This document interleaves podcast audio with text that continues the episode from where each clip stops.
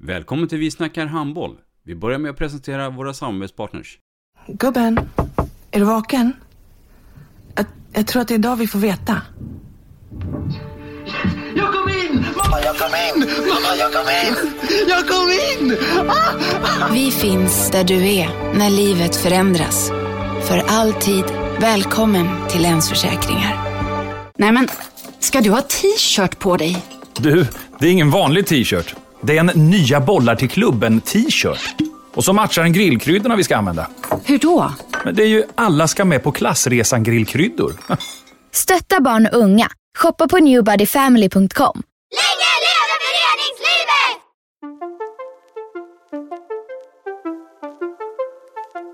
Välkommen säger vi till dig som lyssnar till den nya handbollspodden Vi snackar handboll med Robban Z och Dagge.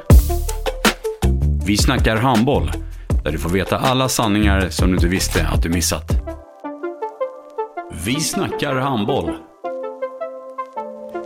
Idag i programmet Vi snackar handboll så har vi en eh, hedersgäst, måste jag nog få säga. Idag har vi ett program utan Dagge som är på andra äventyr.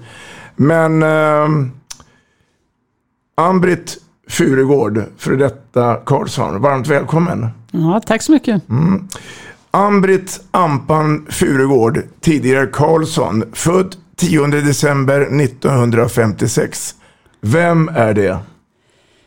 Ja, uppväxt Stockholms södra förorter med eh, föräldrar, äldre syster, yngre bror.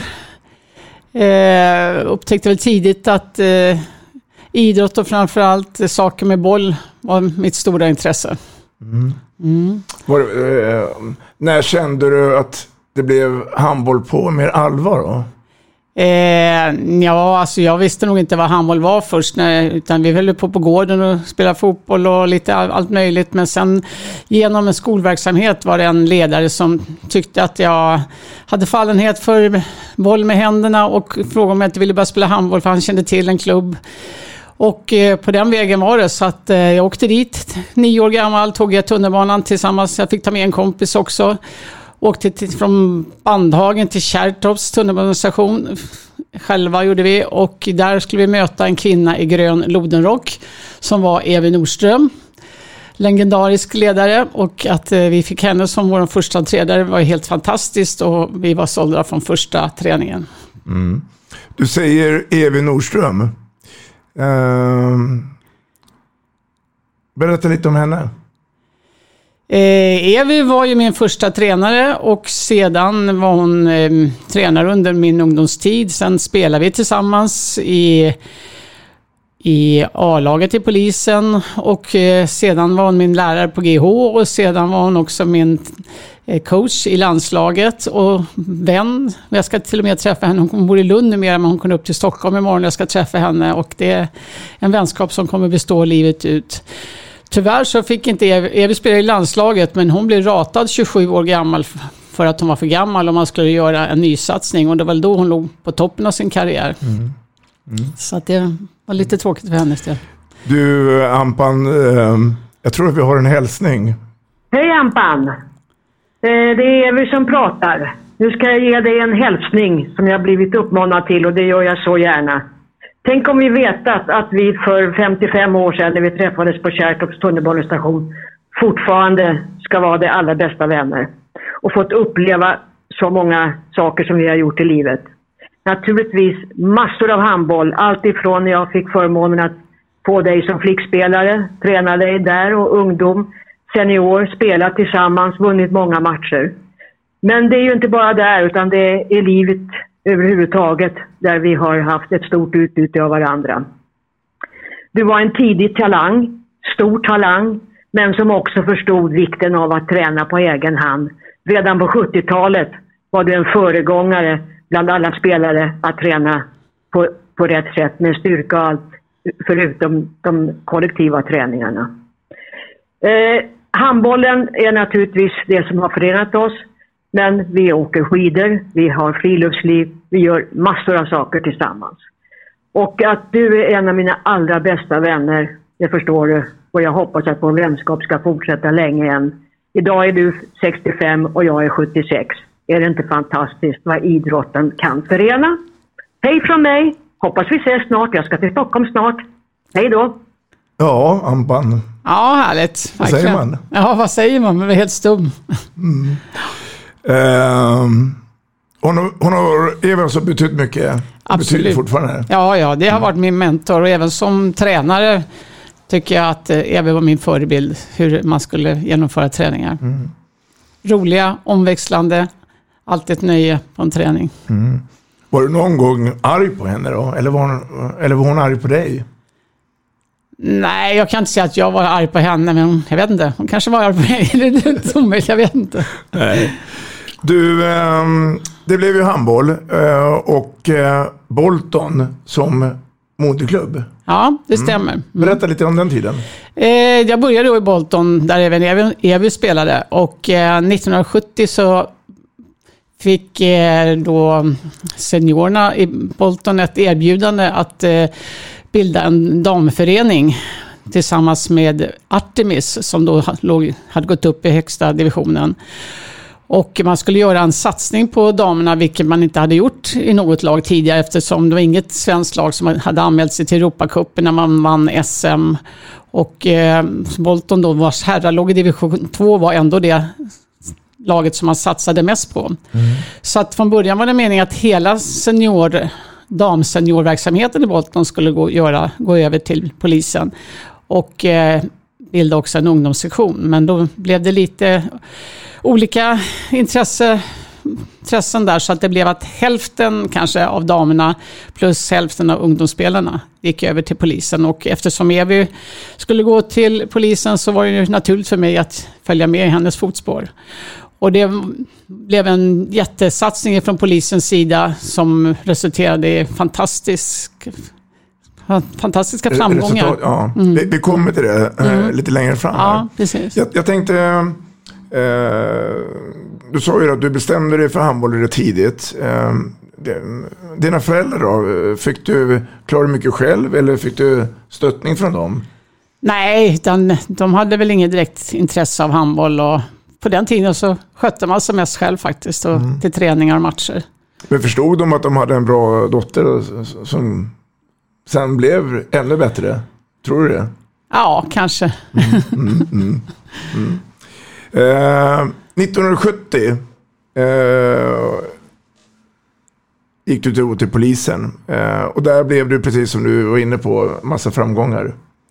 Va- varför, varför blev det det, tror du? Alltså, hur kom det sig att ni lyckades? Ja, vi fick ju, dels fick vi grunden då från eh, Bolton och Artemis plus att vi fick en del nya spelare från eller en del spelare utifrån från andra lag också.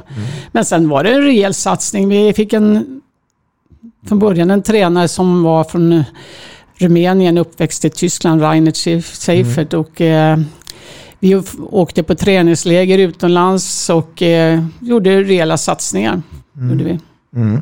Och, och de, konkurrenterna ni hade i övriga Sverige då, vil- vilka klubbar var det på den tiden? Det, det var Bolton och det var Borlänge, Sport från Göteborg.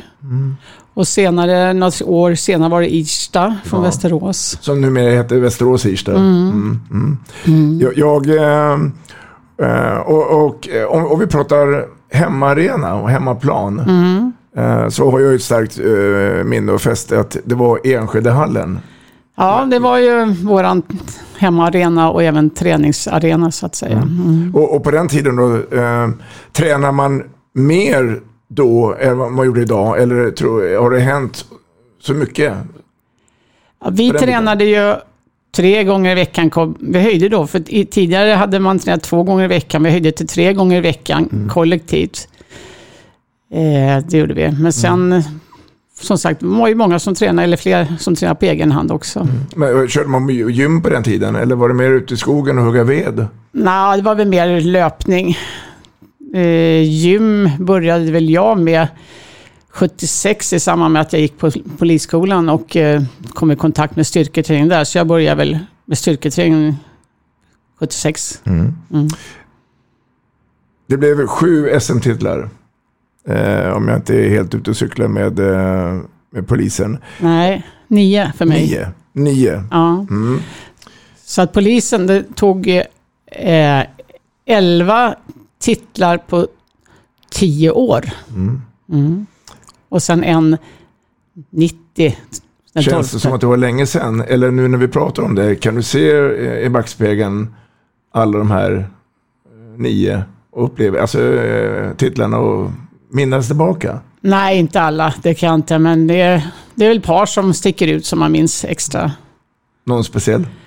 Eh, ja, första naturligtvis mot Bolton var en rafflande match i Enskedehallen. Och då var det ju också mycket konkurrens mellan Bolton och polisen i och med att vi hade gått över till polisen, halva laget. Så det var ju en skön seger för oss, första SM 74. Sen tror jag var mot Irsta 79. Då var det i...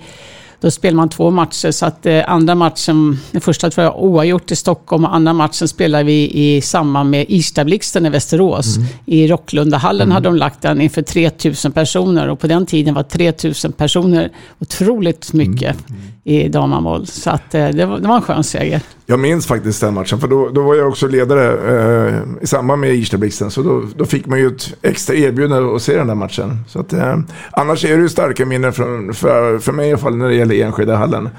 Jag tänker på den här branta läktaren och jag tänker på de här eh, tjockmattorna som är i målet.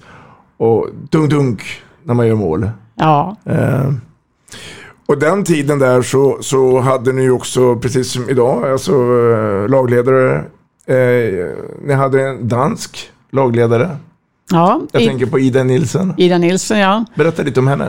Eh, hon kom till Sverige, jag tror det var 40-talet kanske, och eh, tillsammans med Åse Brundell, som även senare blev eh, förbundskapten i Sverige, mer kanske administrativ förbundskapten, men under den tiden jag spelade var hon förbundskapten när jag började.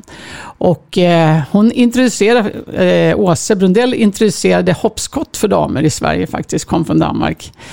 Men Ida sa att hon ville inte spela handboll i Sverige när hon kom hit, för hon tyckte att det var så dålig standard på handbollen, damhandbollen här, så att hon valde att bli ledare istället. Och hon var en trogen ledare som kom i sin vespa med tröjor och bollar och körde fram och tillbaka. Var alltid i Ensk- Enskedehallen först och sist av alla. Och stod ett, skötte materialet. Och hon höll på som lagledare fram till hon var 80 år tror jag faktiskt. Så att hon var helt fantastisk. Och, och på den tiden eh, var det ideella krafter? Eller var hon eh, höginkomsttagare? nej, nej, hon, eh, det var helt ideellt från hennes sida. Ja. Ja. vad, vad tror du brann i henne att, att, att ställa upp dag in och dag ut? Nej, det var ett intresse och, och jag tror att hon kände att hon um, umgicks ju med yngre människor hela tiden och kände glädje med det. Och, ja, jag tror att hon var ju med alltid när vi gick ut och åt efteråt. Hon hängde med på allting. Gjorde hon. Ha- Han ni även umgås privat också då? Eller var det mer att man sågs vid hallen? Eller? Ja, men det var ju, vi, ja, vi umgicks ju lite privat hela laget, men vi umgicks så pass mycket och vi var ju ute på mycket resor med polisen så att eh, det var ju inte så mycket privattid. Nej.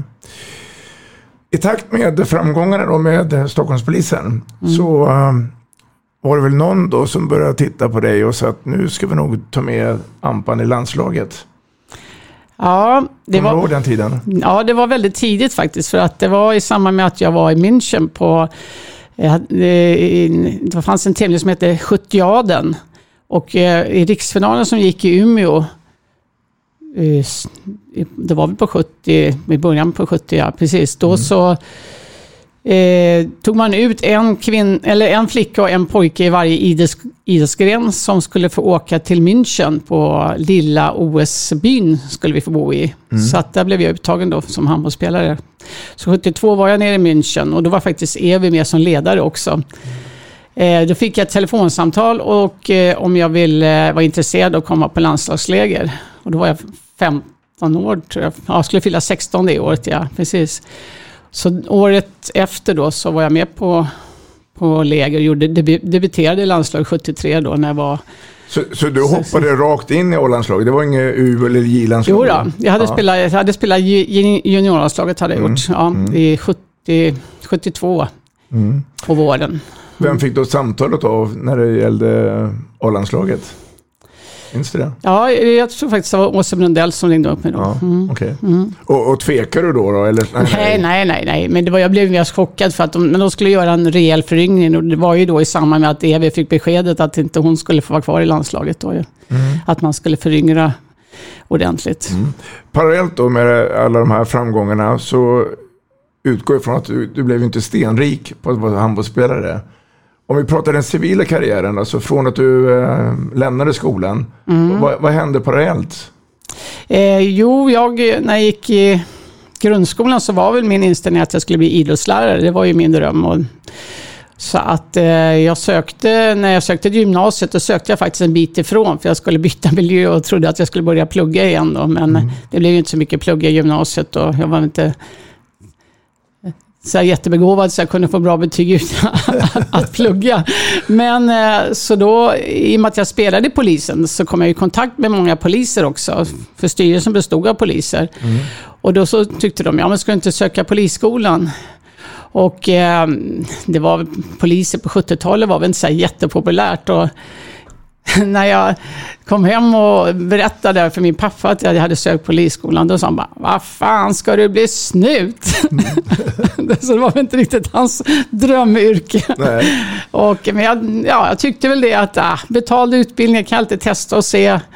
Eh, så får man väl se om man trivs med det. Men, eh, så att det var så kom in på, på den linjen och gick polisskolan 76. Och då var jag eh, ja, 19 år bara. Mm. Om vi, vi fortsätter på det spåret, vad jag förstår så, så blev du fast sen inom den kåren, men eh, du har bytt lite internt, alltså i, i, inom poliskåren, eller, eller lämnar du och kom tillbaka sen? Nej då, utan jag, jag från den dagen så, så har jag varit anställd av polisen och eh, trivdes Ja, först trivdes jag jättebra i skolan så det var ingen tvekan om vad jag ville jobba med och eh, när jag sen jobbade ute i Farsta, sen hade jag ju tjänstledigt i flera år då när jag var ute på andra äventyr och, och eh, ja, jag vet inte, jag kom in sen på i, GH, idrottslärarlinjen där, handbollslinjen. Och eh, genom det så fick jag jobb på polisskolan som idrottslärare. Så att jag var på polisskolan i tio år som idrottslärare. Vilken resa, Mm. en karriär. Jag tror vi kommer komma tillbaka till det lite grann. Eh, Jag, jag går tillbaka till eh, eh, den spelande Ampan. Mm. För att eh, vi pratar om landskamper. Mm. Och eh, det hände någonting också sen. För att eh, du har ju spelat utomlands. Ja, precis. Du var den första Ja. kvinnliga handbollsspelaren som eh, begav det utanför Sveriges gränser. Mm. Nu är jag lite nyfiken att höra hur den resan gick till. Ja, det var ju väldigt speciellt för att det... ehm, I och för sig så hade jag haft det rätt så bra i, som polis när jag spelade handboll. För vi hade otroligt förmånligt att vi som var poliser och spelade i polisen fick ledigt för träning och match utan avdrag. Så det var nästan lite halvproffs här på hemmaplan. Men eh, efter jag spelat i landslaget rätt så många år så efter den turnering som är en kval till VM tror jag det var, så hade jag kommit i kontakt med det spanska landslaget, vissa spelare där, som frågade om jag var intresserad av att komma som spelare till deras lag i Valencia. Och det tyckte jag var helt fantastiskt att det fanns den möjligheten att flytta utomlands och spela på heltid. Så att vi hade väl kontakt med varandra. Men sen så sa de tyvärr så att den sponsor som de hoppats på hade hoppat av, så det blev ingenting då. Men då hade ändå tanken fötts att det fanns den möjligheten att eh, kunna åka utomlands och spela på heltid. Så då gjorde jag helt enkelt så att jag satte ihop ett brev där jag presenterade mig själv och skickade till en tiotal förbund. Och då fick jag svar från tre, fyra stycken. Och eh, jag, det här var ju då när jag var 28 år, så jag såg väl det ändå att som jag ville ha ett, lite som ett äventyr. Jag var inte intresserad av, jag skickade inte till Norge och Danmark, utan jag tog det lite mer, läng- lite mer exotiska länder. Så att, eh, bland annat Japan fick jag svar, men det tyckte jag väl kanske var lite för exotiskt. Men Italien fick jag i alla fall ett. Så att jag, vi tog kontakt med varandra och de sa att eh, Eh, om, de- visste ju inte så mycket om mig. På den tiden kunde man inte följa upp på samma sätt. Men de sa om du kommer ner till Italien så står vi för uppehälle en vecka. Så du får ta dig ner på egen hand då. Och eh, ja, tänkte jag, kan väl göras. Men då skulle en kompis som mig följa med och hon sa, ja men jag har, inga, jag har inte råd till att flyga och jag, hade väl inte råd att bjuda henne heller. Så att, eh, hon sa, men om vi liftar så hänger jag med. Så vi liftar faktiskt ner till Italien hon och jag. Och klubben där nere hette ju Forst Brixen. Brixen. Ja. Precis det. Ja. Eh, etablerad klubb på den tiden, eller hur var den då? ja, de var italienska mästare, det var de året Mm. innan. Så att, eh, det var toppklubb, det är den bästa klubben då i Italien. Var Ja, det. Mm. ni, ni lyftade ner och hamnade där. Ja, vi kom dit och de blev väldigt väl mottagna direkt. mm, Bodde på ett jättefint hotell och de tog ut oss på utflykter. Jag behövde inte visa upp mina handbollskunskaper utan det räckte väl med att jag var där och visade vem jag var.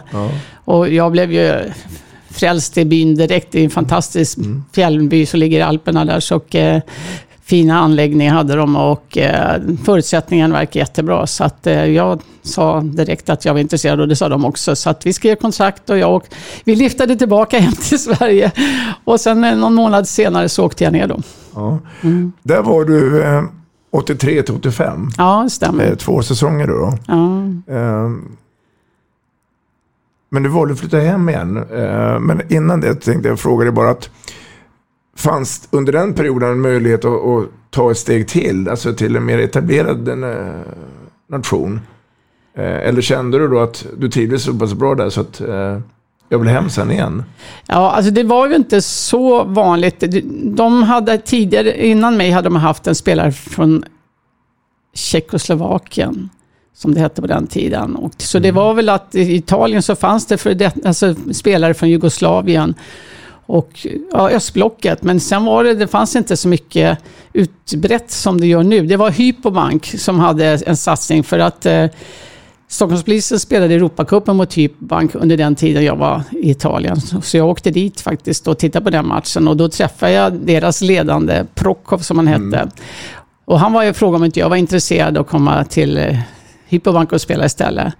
Men den miljön där kände jag att nej, det var jag faktiskt inte intresserad av. Utan det var också många gamla öststatsspelare och eh, de såg inte ut att ha kul i det laget tyckte jag. Så att, eh, jag tyckte att det var bra i Italien. Jag var ju ändå i slutet av min karriär. Jag hade kunnat förlängt, för de två åren som jag var där vann vi även italienska mästerskapet, vilket de inte har gjort efter det.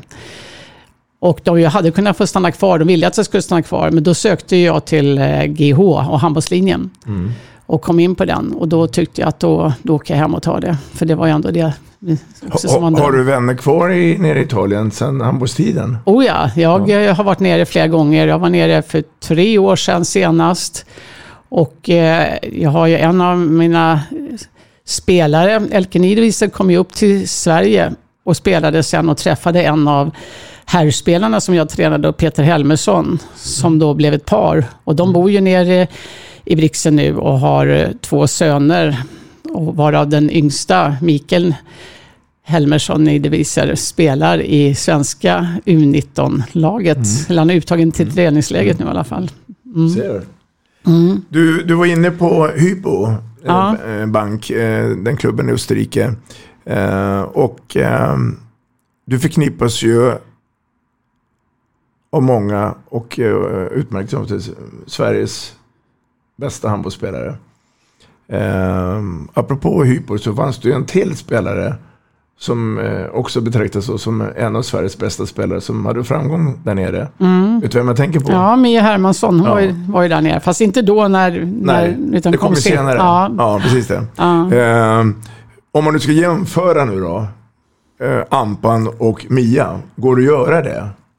Nej, nej, vi spelar i och för sig på samma position och lite liknande. Men hon hade väl förmånen att vara, komma tio år, hon var ju tio år yngre, eller är tio år yngre än vad jag är. Och eh, kom ju fram då när det var proffsfönstret eh, fönstret öppnade Ja. sig. Så att hon hade väl större förutsättningar faktiskt. Mm, Och, och, och leva proffsliv. Eh, de nu som inte vet vem Ampan är eller var på spelplan. Hur var du som spelare och var var du någonstans på planen? Ja, då hade man väl inte så utpräglat höger, vänster, mitt nio, utan vi alltså nio meter spelare Ja. Och vi hade ju ingen vänsterhänt, så att eh, man fick väl Mycket platsbyten. offra sig på höger ja. nio ibland också. Men eh, kanske styrkan var genombrott faktiskt, Mm. tror jag. Mer än skott. Mm. Och, och som försvarsspelare, gillar du att spela försvar eller var det Ja, ja, ja, ja, jag gillar Jag tyckte om tuffa tag. Ja. Ja. ja, det är bra. Ja. Eh, tillbaka då till eh, Stockholm. Eh, två säsonger, 85-87. Eh, och landslagsverksamheten pågick från 74 till 86.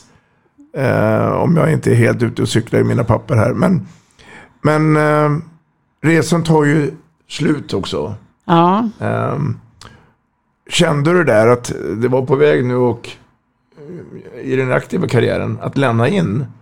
Eller hur gick dina tankar vid den tidpunkten? Ja, alltså det var ju, när jag började i A-laget så var jag ju yngst och när jag, på 86 då, när jag, 87, när jag började tänka på att avrunda, då var jag ju äldst i laget. Och eh, på den tiden så, ja, då var det inte många som fortsatte efter de var 30.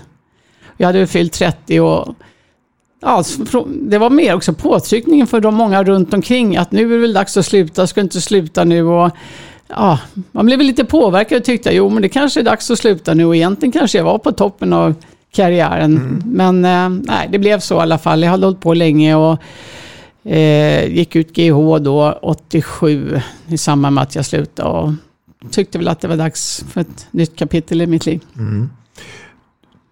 Tycker du, tror du då att spelare, eh, alltså år 2021, att att man, spelar, att man slutar för tidigt? Eh, om Ja. du jämför med dagens handbollsspelare och eh, på din tid. Ja, absolut. Det, det tror jag att man... eh, Det är bara att titta på Jamina som är på toppen av sin Mm. karriär nu när hon är 31 och fått barn. Men eh, sen är det väl också vad man har för förutsättningar. Som nu då när man har förutsättningar att spela handboll på heltid så tror jag definitivt att många kommer fortsätta längre. Och att det är mer som ett yrke. Så det, det tror jag. Innan vi går vidare eh, i din lilla handbollsresa, för du, du, du är ju klar med GH och sen så ska du eh,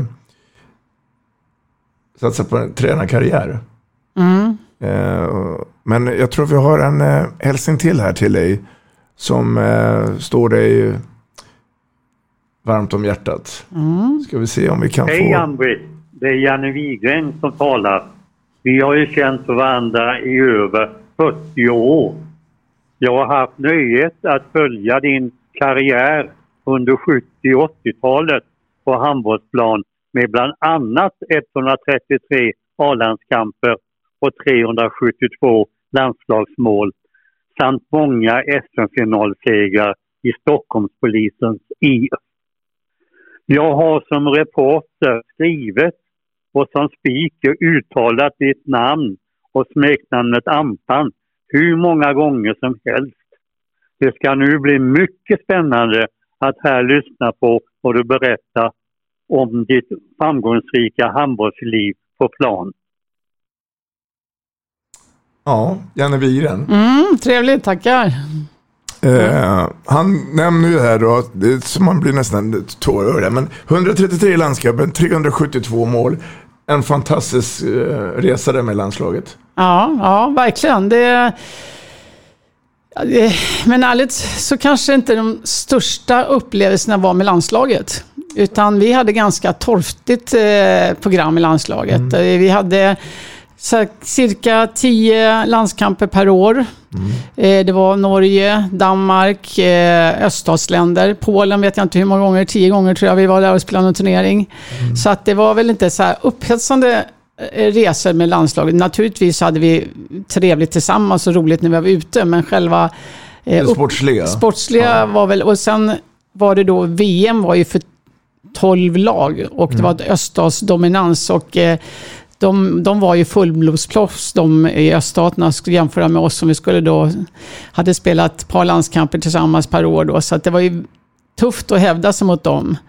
För att jag tror att vi hade egentligen det här eh, årgången 54, 55, 56 var, hade ett väldigt starkt lag.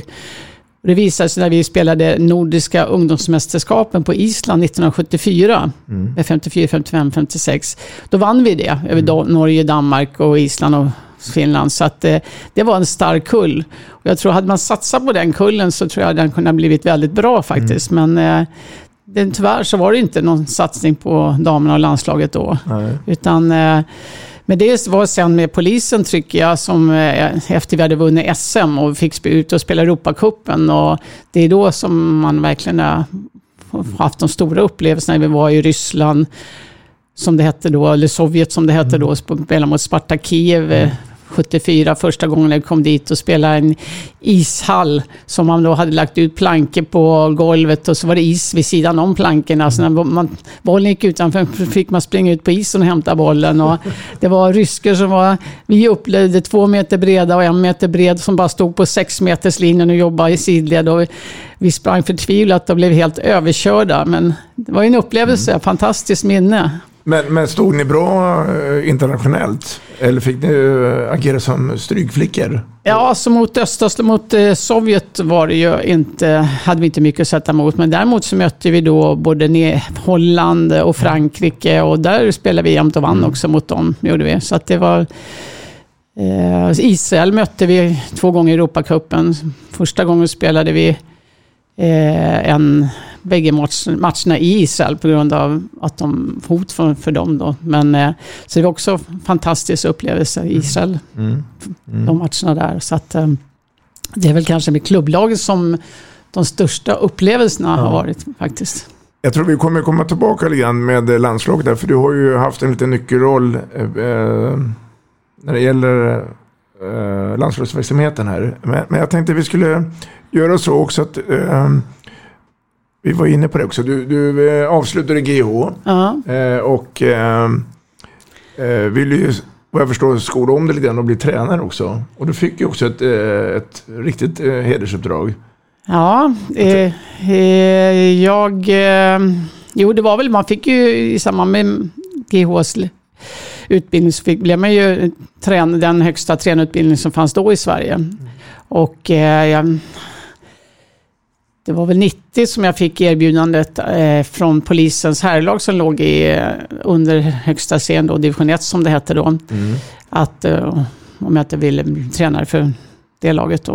Mm. Och det antog jag. Men det var ju första seniorlag som jag tränade. Jag hade tränat ungdomslag tidigare, men eh, seniorlag hade jag inte tränat tidigare. Så att, eh, det var... Hur, hur var det då? Alltså, Ja, hur det, alltså, tänkte du? jag tyckte inte att det var så konstigt, för då hade jag jobbat som idrottslärare på polisskolan i flera år och eh, tränat grabbar. Mm. Så att jag tyckte inte det var så konstigt. Och det var väl det som de hade sett också, att jag hade den erfarenheten för träning med, även med män också, så att säga. Om det spelar någon roll eller inte vet jag inte. Men, men vad jag förstår också så var, kan du väl också tituleras som den första kvinnliga tränaren på herrverksamheten. Ja, Det, det tror jag nog att det var. För att vi gick ju, vi spelade division 1 och sen gick vi upp eh, efter nyår då till allsvenskan spelade vi i alla fall. Då, så att, eh, nej, det var, det var två roliga år. Ja. Ja, tycker jag. Blev det någonting mer efter de två åren? Eh, sedan så bytte de till Bosse Johansson, kom in där som tränare för herrlaget och jag tog damlaget direkt då i två år efter Mm. det. Mm. är då, då låg man i elitserien, Mm. damerna. Mm. Och, eh, men på den tiden så var det så att eh, när jag hade herrarna, att då fick man ju, hade man ju A-laget då och även B-laget var jag ansvarig för. Man var ansvarig för fysträningen, man var ansvarig för eh, styrketräningen, alltså fys och styrka, eh, målvaktsträningen, eh, Du var med överallt. mentala träningen. Man var ansvarig för allting så Mm. Ja. att säga. Plus att jag var idrottslärare på polisskolan då. Mm. Så det, var, det blev mycket och det samma sak var ju då med damerna. Att jag hade samtliga roller plus idrottslärare. Så jag kände väl efter de här åren så, ja det blev väldigt mycket och jag kände att eh, jag hann inte med min egen träning heller och eh, tänkte varför håller man på med den här verksamheten? Jo, det är ju för att de ska träna och må bra. Det är inte bara handbollen som ska vara det fokus, utan det är att man håller igång och tränar för att må bra. Och så har man inte den här möjligheten själv som tränare. Kände du att det blev för mycket då? Mm, det blev för mycket. Det blev för... Jag, när när jag hade damerna som sa att jag kan fortsätta som tränare, men då vill jag dela det med någon som att man delar på huvudansvaret. Inte att man bara har en biträdare utan man har två huvudtränare. Vilket inte var vanligt på den tiden. Men eh, det var ingen som ville någon huvudtränare som ville dela på uppdrag utan de som var aktuella ville ha det själv, helt själv. Och då sa jag att då kliver jag hellre av. För att det, jag, det blev för mycket helt enkelt tyckte jag. Och idag är det väl så också att, man, att det är allt vanligare att man har delade ansvarsområden som tränare. Men någon måste Ja. ändå ha sista ordet. Ja, eller måste man det? Jag tror, kan vi komma in på också lite, att jag tror det är, varför finns det så få kvinnliga handbollstränare på elitnivå? Det tror jag mycket kan bero på att det inte passar eh, kvinnor att, ha, att ha, lägga ner så mycket tid på eh, ett, en, alltså på ett lag, utan jag tror att för att man ska kunna knyta mer kvinnliga, kvinnliga tränare så tror jag att man ska k- jobba mer i team, att man är fler som delar på ansvaret och det behöver inte vara kanske så att eh, man måste vara med på alla träningar och inte heller på alla matcher, framförallt bortamatcher, att man är flera stycken som delar på, en, på ett Men, uppdrag. men du känner inte att det är viktigt med den här kontinuiteten då? Att, att man... Eh, eller tror du att det är, kan det finnas en balans på det? Att, att det, det går fast man har... Eh, jag är inne på det, så du, du har fler instruktörer. Men jag, jag, samtidigt så tänker jag att om det inte finns kontinuitet så, så blir man ungefär som en gubbe i lådan som hoppar fram. Eller Ja, men det är, det är så pass många tillfällen ändå som man eh, är på träningar och har matcher. Så att jag, tror, jag tror det kanske skulle vara mer stimulerande för spelarna att det, inte, att det inte är samma coach alla matcher, utan man har olika coacher. Jag, tror- jag, tror, jag tror man ska försöka hitta något nytänkande där för att, att- bland kvinnorna. För att eh, jag tror speciellt de, de kvinnor som får barn då, jag har ju inga barn, men jag, jag tror det är ännu mer för de som har barn, att vara borta så mycket ifrån eh, familjen och det blir ju oftast ändå kvinnor som tar huvudansvaret fortfarande. Eh, det, då, man tycker att det, man vill inte prioritera handbollen kanske på så, så mycket så att det tar för mycket tid från familjen. Och jag tror att det är också så att fler, kvinnor vill ha fler intressen. Man kanske inte bara vill ha handbollen, man vill ha lite andra saker också. Och, eh, och man vill jobba tillsammans med andra. Man känner glädje av att vara flera som jobbar tillsammans. Det tror jag också. Så jag tror att man ska hitta lite, eh, att kvinnor ska hitta lite nya modeller kanske för att eh, om man nu vill ta något lag och coacha ett lag tillsammans så vara mer ett team. För att eh, det tar ju otroligt mycket tid och det som tar mycket tid är ju bortamatcher också, att vara borta så pass mycket. Så att, eh, Och så blir det sena träningskvällar. ja, precis, så att man kanske hittar mer lagträning eller ja, allt, ja, jag tror man ska hitta andra infallsvinklar. än- Apropå det här med tränare då, en fråga till dig. Men, ja, om, om du och jag nu var mamma och pappa till barn. Eh, är det bra eller dåligt att vi tränar våra egna barn? Och i så fall, var drar man gränsen? När tycker du att man ska lämna över stafettpinnen till någon annan? Ja, som det är nu att många lag inte avlönar, avlönar sina ungdomstränare utan att det, är, att det är på ideell verksamhet så tror jag att det är tur att det finns föräldrar som vill träna sina barn för annars skulle de inte få så bra utbildning. Så jag tror att det är tack vare att det finns föräldrar som vill ställa upp som tränare tror jag att de får bra tränare bland ungdomslagen. Och där kanske man som föreningar ska satsa mer på duktiga instruktörer på ungdomsnivån. Men eh, sen hur långt upp man ska träna sina föräldrar, det, det är svårt att säga. Men eh, jag tror det är tur att det finns föräldrar som ställer upp tror jag. Jag, jag, jag håller ju med dig. Jag, jag tror ju också att bara, vad det har vi pratat om många gånger här på podden, att det kommer bli tuffare och tuffare att få ideella ledare. Eh, eh, med tanke på hur samhället ser ut här nu. Och det. Du, ehm, om vi då tittar utanför den gula handbollslinjen.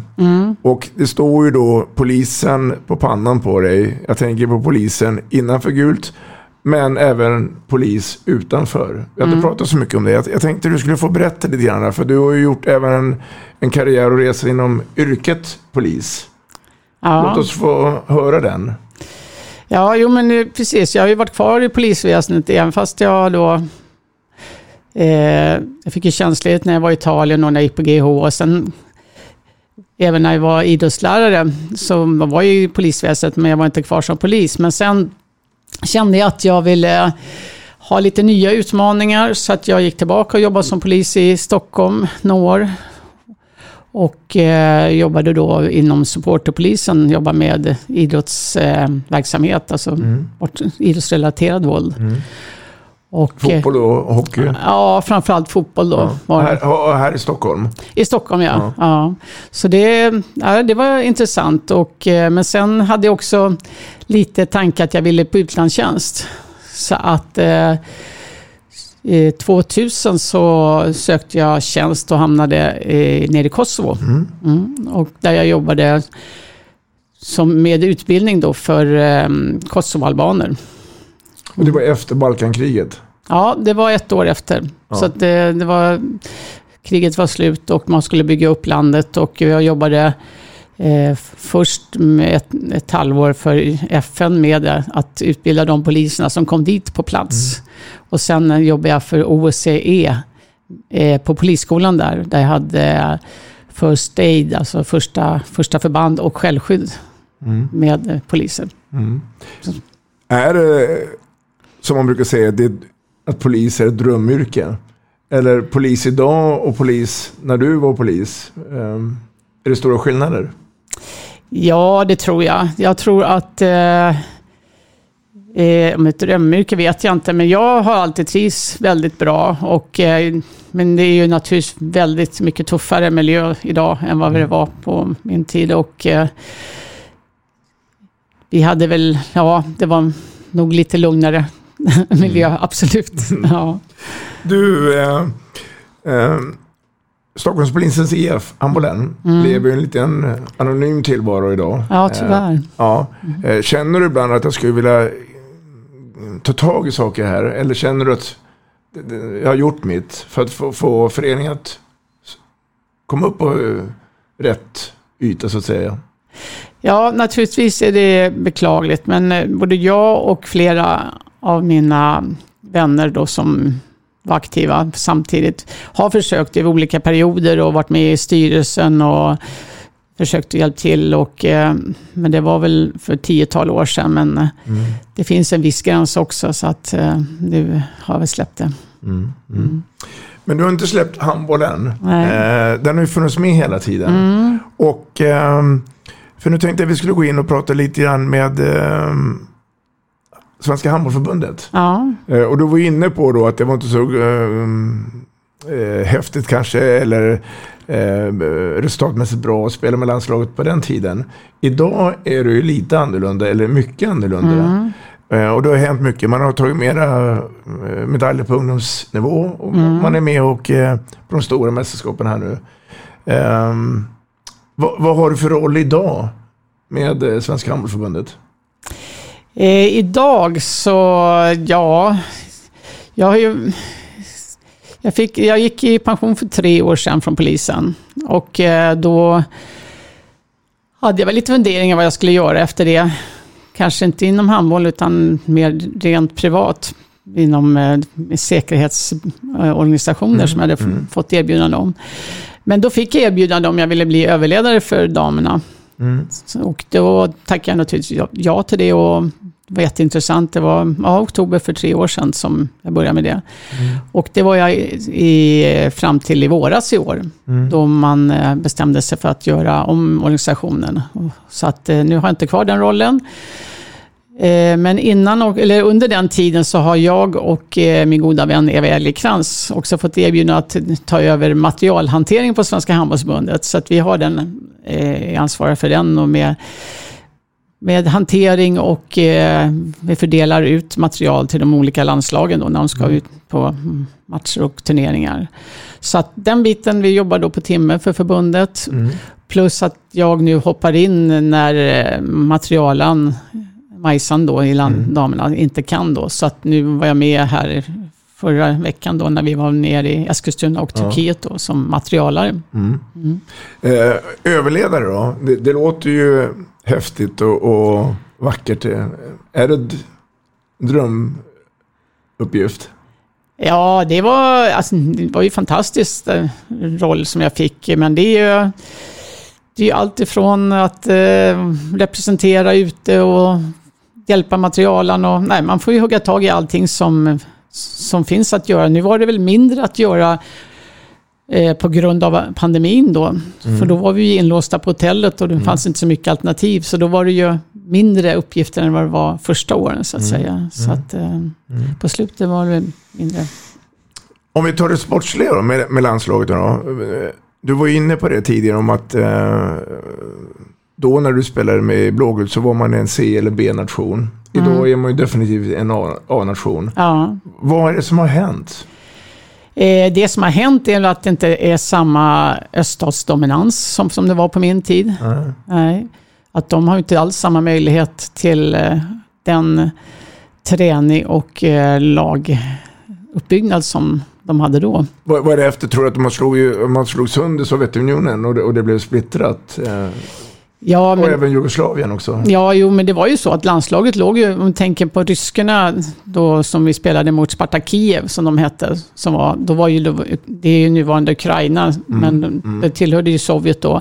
Det var ju identiskt med landslaget var och de tränade ju två gånger per dag tillsammans Mm. på den tiden, på 70-talet. Mm. Eh, det vet jag inte om de har den möjligheten att göra idag. Nu kanske klubblagen har kommit tillbaka till det, men så att, men för några år sedan så, när det, så tror jag definitivt inte att de hade samma möjlighet. Och Öst, eller Tyskland då, så Östtyskland var ju också otroligt Bra. professionella och Ja. duktiga. Så att de Mm. låg ju också tillsammans och tränade och fick igenom eh, att de eh, spelade i landslaget så fick de ju en utbildning och en profession som de kunde luta sig tillbaka på sen och hade det ekonomiskt väldigt bra. I takt med att uh, SOE, då, alltså damernas högsta serie, har ju blivit bättre. Mm. Man tränar mera. Mm. Så har ju också många gjort precis som du gjorde Mm. när du lämnade för Italien. Mm. Det är ju många, många fler svenskor som nu lämnar. Ser du det som en fördel? Att de ska ut i Europa och spela och sen komma hem och spela i landslaget? Eller, eller tror du att det skulle vara ännu bättre om de är kvar här och, och höjer den svenska ligan? Eh, ja, både och. Alltså jag förstår ju naturligtvis att de vill ut och, och om de har den möjligheten. Men det kanske blir att många ges ut lite för tidigt. Mm. Att eh, man, tyvärr så blir ju de bästa spelarna försvinner ju ifrån och de kanske inte har utvecklats eh, tillräckligt för att få en bra en plats i ett lag utomlands så att säga. Men eh, ja, det är svårt att säga. Det, det bästa vore väl att kanske öka förutsättningar på hemmaplan för spelarna så att de stannar kvar. Hin- Hinner du, eh, när du är med i landslaget, hinner du prata med tjejerna om just det här? Och, och eh, exempelvis säga då, lugn i båten, stressa inte, den, den tiden kommer. Eller kan du vara med och påverka tror du? Nej, jag vet inte riktigt. Det, nej, de, de känner nog själva. Nu har ju alla, alla har ju agenter också. Alla spelare. Det är även de som är fortfarande spelar på hemmaplan så att säga, har ju agenter. Hade du några agent? nej, jag hade, det fanns inte agenter på den tiden. Jag vet att jag hörde talas om en i Norrköping. eh, Fick jag tips. Jag tror jag skrev till honom eller kontaktade honom, men jag fick aldrig något svar. Nej. Nej. Du, ehm, det blev ju en, eh, en framgångssaga där 2010 i EMet med bland annat Per Johansson som förbundskapten och dessförinnan så gjorde de här 92-93 eh, UVM-guldet eh, borta vid Karibien. Mm. Ehm, jag tror ju att det, det, det hände någonting där. Eh, att vi kan också. Och, och sen så kom det ju som ett brev på posten flera me- medaljer från eh, de här ungdomslandslagen. Nu är vi där i ett läge nu att vi är ju en A-nation. Ja. Eh, och vi är med och nosar. Mm. Vad, vad tror du nästa steg är för att vi ska exempelvis gå förbi Norge? Som vinner var och varannat år. Eller Frankrike. Ja. Vad tror du? Ja, alltså de, de, Norge har ju en otrolig tradition att träna mycket. Träna på mor- morgnarna. Och, Men det gör vi också. Ja, jo, det kanske vi gör. Men jag, och sen tror jag också att de har ett större utbud av handbollsspelare, både Norge och Danmark. Det är liksom, där spelar ju alla handboll i skolorna och jag tror att den är, de har ett större urval. Har de. Här är, vi har fler idrotter som drar i våra ungar, lockar. Och eh, bättre förutsättningar tror jag de har i Norge också med hallar. Eh, det, och de flesta lagen är väl från mindre orter också, de har bra förutsättningar. Så att, eh, men det, ja, jag tror att eh, får man, får man fram några enstaka spelare som är lite, alltså stjärnspelare, bra internat, det behöver man ha. Några riktiga mm, duktiga spelare för att få ett bra lag också. Så att, eh, Och sen fortsätta och, orka och satsa. Men nu är ju alla, näst, ja, nästan alla är ju proffs utomlands och kan ju köra lika mycket som övriga länder. Så att eh, förutsättningar finns ju att bara tro på sig själv och få självförtroende. Och, Och, och de här svenska klubbarna med Sävehof, H65 Hör, Kristianstad. Eh, välkomnar att de ska ut i Europa och spela de här matcherna. Fast Absolut. de kanske ligger på gränsen att de inte klarar det ekonomiskt eller sportsligt. Ja, jag förstår att det är tufft för lagen, för det, är ju, det, är ju, det kostar otroligt mycket de här resorna, men eh, det måste man göra. Man måste ut internationellt och, och, internationellt och pröva sina vingar, absolut. Du, OS senast i Mm. somras. Mm. Eh, jag misstänker att du, precis som många andra och du var lite överraskad att det gick så bra. Eller hade du på känn att det här kan gå bra? Man pratar om dödens grupp och det här kommer bli svårt. Nej, jag blev nog också överraskad att det gick så bra och det var ju fantastiskt att följa deras resa hemifrån, verkligen. Och då är ju frågan, varför gick det så bra? Förklara det för mig. Ja, det är, alltså, det är ju små marginaler som man alltid säger. Det, Det är bara en klyscha. Ja, visst var det det. Men det är det. Det är verkligen små marginaler. Och eh, de fick lite medgång och fick självförtroende och sen, eh, ja, många låg på topp. Jamina till exempel gjorde en fantastisk turnering. Alltså, Det var ju helt otroligt så bra hon var. Och eh, Karin Strömberg blommade ut till, till något som man aldrig hade sett tidigare. Så det, nej, skoj. Det var, var många duktiga spelare. Och, Man, man, man pratar ju också då om, om duktiga spelare som av olika anledningar slutar. Och så är man ju expert här, inklusive undertecknad, att ja, nu kommer det inte gå så bra för att nu slutar rampan och hon har gjort så mycket här. Och, eh, är det så enkelt bara att när någon försvinner så är, måste någon annan kliva fram i, i rampljuset och ta ett större ansvar? mm. Eh, Eller, eller varför är vi så enögda och tror att det skulle gå så dåligt då när några av de här profilerna lämnar? Ja, nej men man är väl lite real- realist och tycker liksom att ja, nu saknas den och den och nu har vi flera skador på skyttar. Och Lite, tom, lite tom på nio meter med skyttar och man behöver ju det. Och då tycker man att då kanske inte samma förutsättningar finns. S- Själva handbollsspelet, alltså tekniskt taktiskt, Mm. 2021 och 1986. Mm. Det har hänt en del. Det har hänt en del, ja. Vad, lite vad, vad är den största skillnaden? Ja, det går ju otroligt mycket fortare. Det gör det. Det, det, det är nog den största skillnaden, att det går så mycket fortare. Det tror jag. Sen också vi, kantspelarna tycker jag utvecklas mycket. Verkligen. Det, det tycker jag. Och målvakterna också, i viss mån. Men, Men, eh, men, och alla de här nyheterna med 7 mot 6 och 5 mot 6 och, och timeouter hit och dit och det. Mm. Eh, Ser du det bara som en, en, bra för, för sporten? Eller är du motståndare till förändringar? nej, nej, absolut inte. Det gör jag inte. Jag, det, det är verkligen för att det, om det förändras till det bättre. Det vet man ju inte för man har prövat det. Så att det, visst måste man pröva. Men faktum är att många av de saker som man kör nu körde faktiskt på min tid också, att, fast det heter lite annorlunda nu. Ja, de har fått lite andra namn. An- Andra namn, ja, det- precis. Och sen även träningarna är inte så mycket annorlunda, själva handbollsträningen. Eh, Själva, eller övningarna är ungefär detsamma, det är väl bara att det går i ett större tem- eller högre tempo. Så att, eh, men... ehm, Ja, det... Ja, det är lustigt också, men eh, nu tycker jag i och för sig, om man ska kritisera lite med handbollen, att det, jag förstår inte att varför mm, nästan alla kör samma spelmönster. Det, det har jag lite svårt för faktiskt. Det, det skulle jag nog, om jag skulle gå, börja träna ett lag nu skulle jag nog inte göra det. Det känns som att eh, bara kopiera vad alla andra gör. Och, det Kan känns, det vara så enkelt då bara för att man, man eh, alla går ju på samma utbildningskurser som handbollförbundet har och då säger man då, eller, eller är jag ute och cyklar kanske? Nej, jag vet faktiskt inte. Jag har, jag har inte fått något riktigt svar på den frågan. Varför alla måste köra rundgång och varför man gör platsbyten i sidled som ibland känns totalt meningslöst. Eh, Stockholms dominans på damsidan, Skuru. Mm. Ehm, och på här sidan så är vi välkomna tillbaka då Hammarby då, de som älskar Hammarby och Stockholm. Mm. Ehm, kommer det se ut så här några år till tror du? Eh, Eller ser du några förändringar? För du är också i Göteborg. Ja, alltså Stockholmshandbollen blöder ju. Och det är tufft med Stockholmshandbollen. Och det är, nu är jag inte så jätteinsatt, med, insatt, men jag förstår att det, halvfrågan är ju ett jättestort problem. Och det är svårt med sponsorer. Och, Så att, eh, ja, men eh, Stockholm behöver lag i elitserien tror jag verkligen. Det tror jag nog alla är överens om, att vi måste ha lag i elitserien från Stockholm. De här förortsklubbarna då som, som var starka också på din tid. Jag tänker på Tyresö. Mm. Jag tänker på Skåne ute i Märsta. Mm. Eh, säkert glömt någon här då.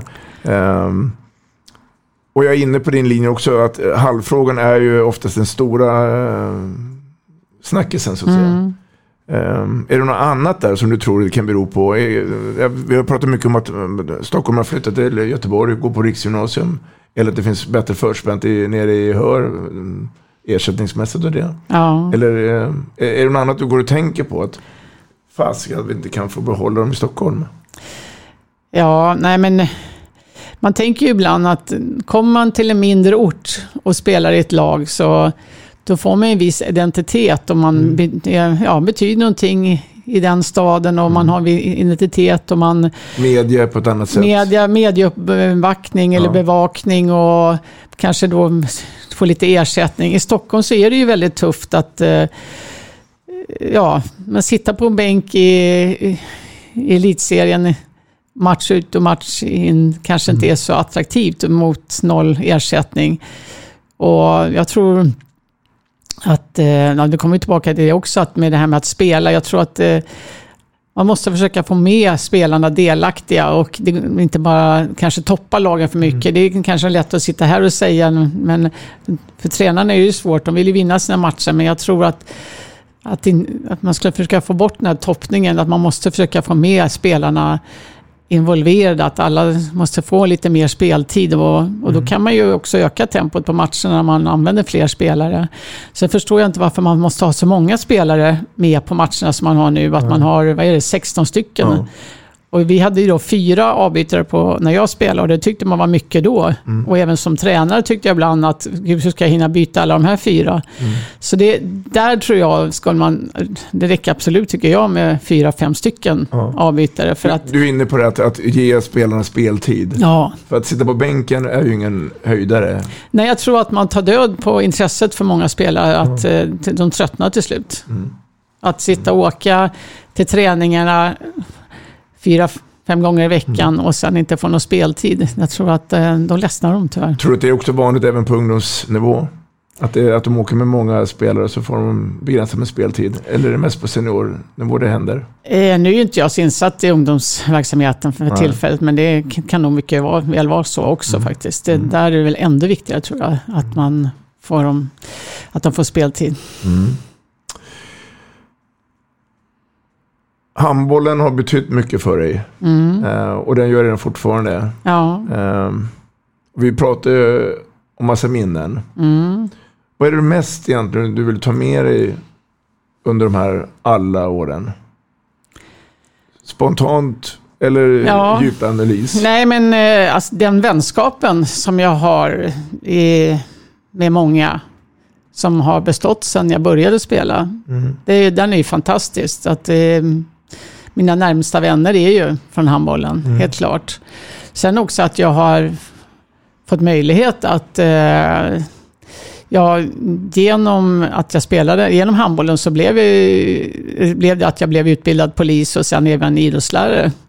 Att jag kunde, det var ju också tack vare handbollen som jag kunde genomföra de utbildningarna.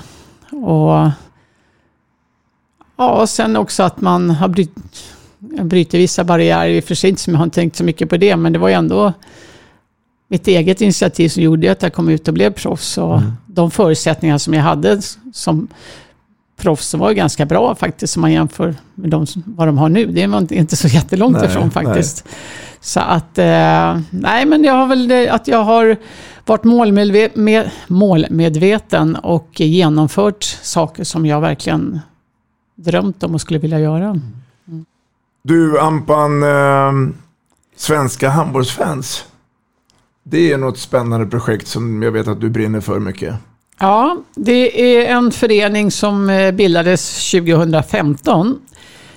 Det var så att vi var en, eh, några stycken kamrater som var nere på VM i Qatar och eh, försökte heja fram våra svenska handbollsherrar så gott vi kunde. Och då föddes idén att varför har vi inte en, eh, en liten förening eller en klubb som gör att vi reser tillsammans och ser på mästerskap för landslagen. Och på den vägen var det. Så att vi bildade en, en styrelse. Det var då Björn Rydströmer och jag, Eva Älgekrans var med på den tiden. Och eh, Freje Södblom. Och eh, eh, ja, så har vi jobbat nu och gör fortfarande och försöker arrangera resor, arrangemang i samband med EM och, Och, och, VM. och det är en ideell förening. Det är en helt ideell förening som vi jobbar. Och, och man kan, vem som helst kan bli medlem. Absolut, det är bara att gå in på vår hemsida, Svenska handbollsfans, och kan göra en anmälan. Och eh, vi försöker väl ha vissa medlemsträffar i samband eh, med matcher här, framförallt i Stockholm eftersom vi i styrelsen bor här i Stockholm. Men vi eh, försöker också ha arrangemang. I Eskilstuna hade vi nu med, med landskampen som var mot eh, Island. Då. Och vad är närmast på tapeten som kommer hända när det gäller mästerskapen? Eh, det som är nu är att vi har resor till eh, VM i Spanien för damer Mm. och sen även EM herrar i Januari. Mm. Bra- ja, januari Bratislava och i Budapest. Och eh, sedan eh, vårt eget VM 23 Mm. som kommer då vara i Göteborg i två veckor. Där kommer det bli ett jättearrangemang. Och eh, när, när Sverige också har haft mästerskap på hemmaplan så vet jag att bland annat du och, och Björns fru Lena Rundströmer och Eva Ellenkrantz, ni har varit med och jobbat med arrangemanget också. Ja, precis. Då, då har vi ju varit, eh, jag och Lena var ju säkerhetsansvariga både 16 och eh, 20 för EM. Roligt. Ja, roligt men mycket jobb. Ja, så är det. Ja. Ja. Ja, spännande. Ja, så att eh, där hoppas vi på fler eh, intresserade att vara med i vår förening. Mm, Och, och, Ni är och, välkomna. och eh, hemsidan heter? Svenska handbollsfans. Hur, hur mår eh, Ampan eh, i kropp och knopp idag? Jag mår ju rätt så bra tycker jag. Jag har ju för sig en knäprotes som jag gjorde 2007. Men eh, för övrigt så tycker jag att jag mår rätt så bra. Tränar regelbundet, håller igång. Och eh, känner mig, ja, känner mig som en pigg pensionär. Jag blir ju pensionär här om någon månad. På riktigt. Det är rätt det. Ja. Ann-Britt Ampan Furugård. Det har Mm. varit en stor ära att få ha haft det här i Vi snackar handboll med Robban Zäta och Dagge. Eh, tack för eh, din medverkan. Mm, tack själv, det var jättetrevligt att vara här.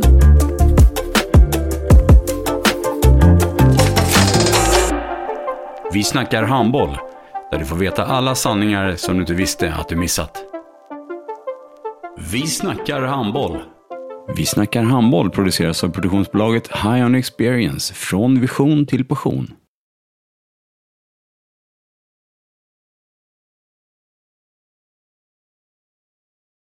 Ett avslutande tack till våra samarbetspartners. Hallå! Kommer ni eller? Ja, ja. Har du sett mina ankelsockar? De här? Nej, nej, jag menar skridskoslip till juniorlaget Ankelsockarna. Ja, men kolla bredvid träningsläger med handbollstjejerna-t-shirtarna. Stötta barn och unga. Shoppa på newbodyfamily.com. Länge leve föreningslivet! Gubben, är du vaken? Jag, jag tror att det är idag vi får veta. Jag kom in! Mamma, jag kom in! Mamma, jag kom in! Jag kom in! Ah! Vi finns där du är när livet förändras. För alltid välkommen till Länsförsäkringar.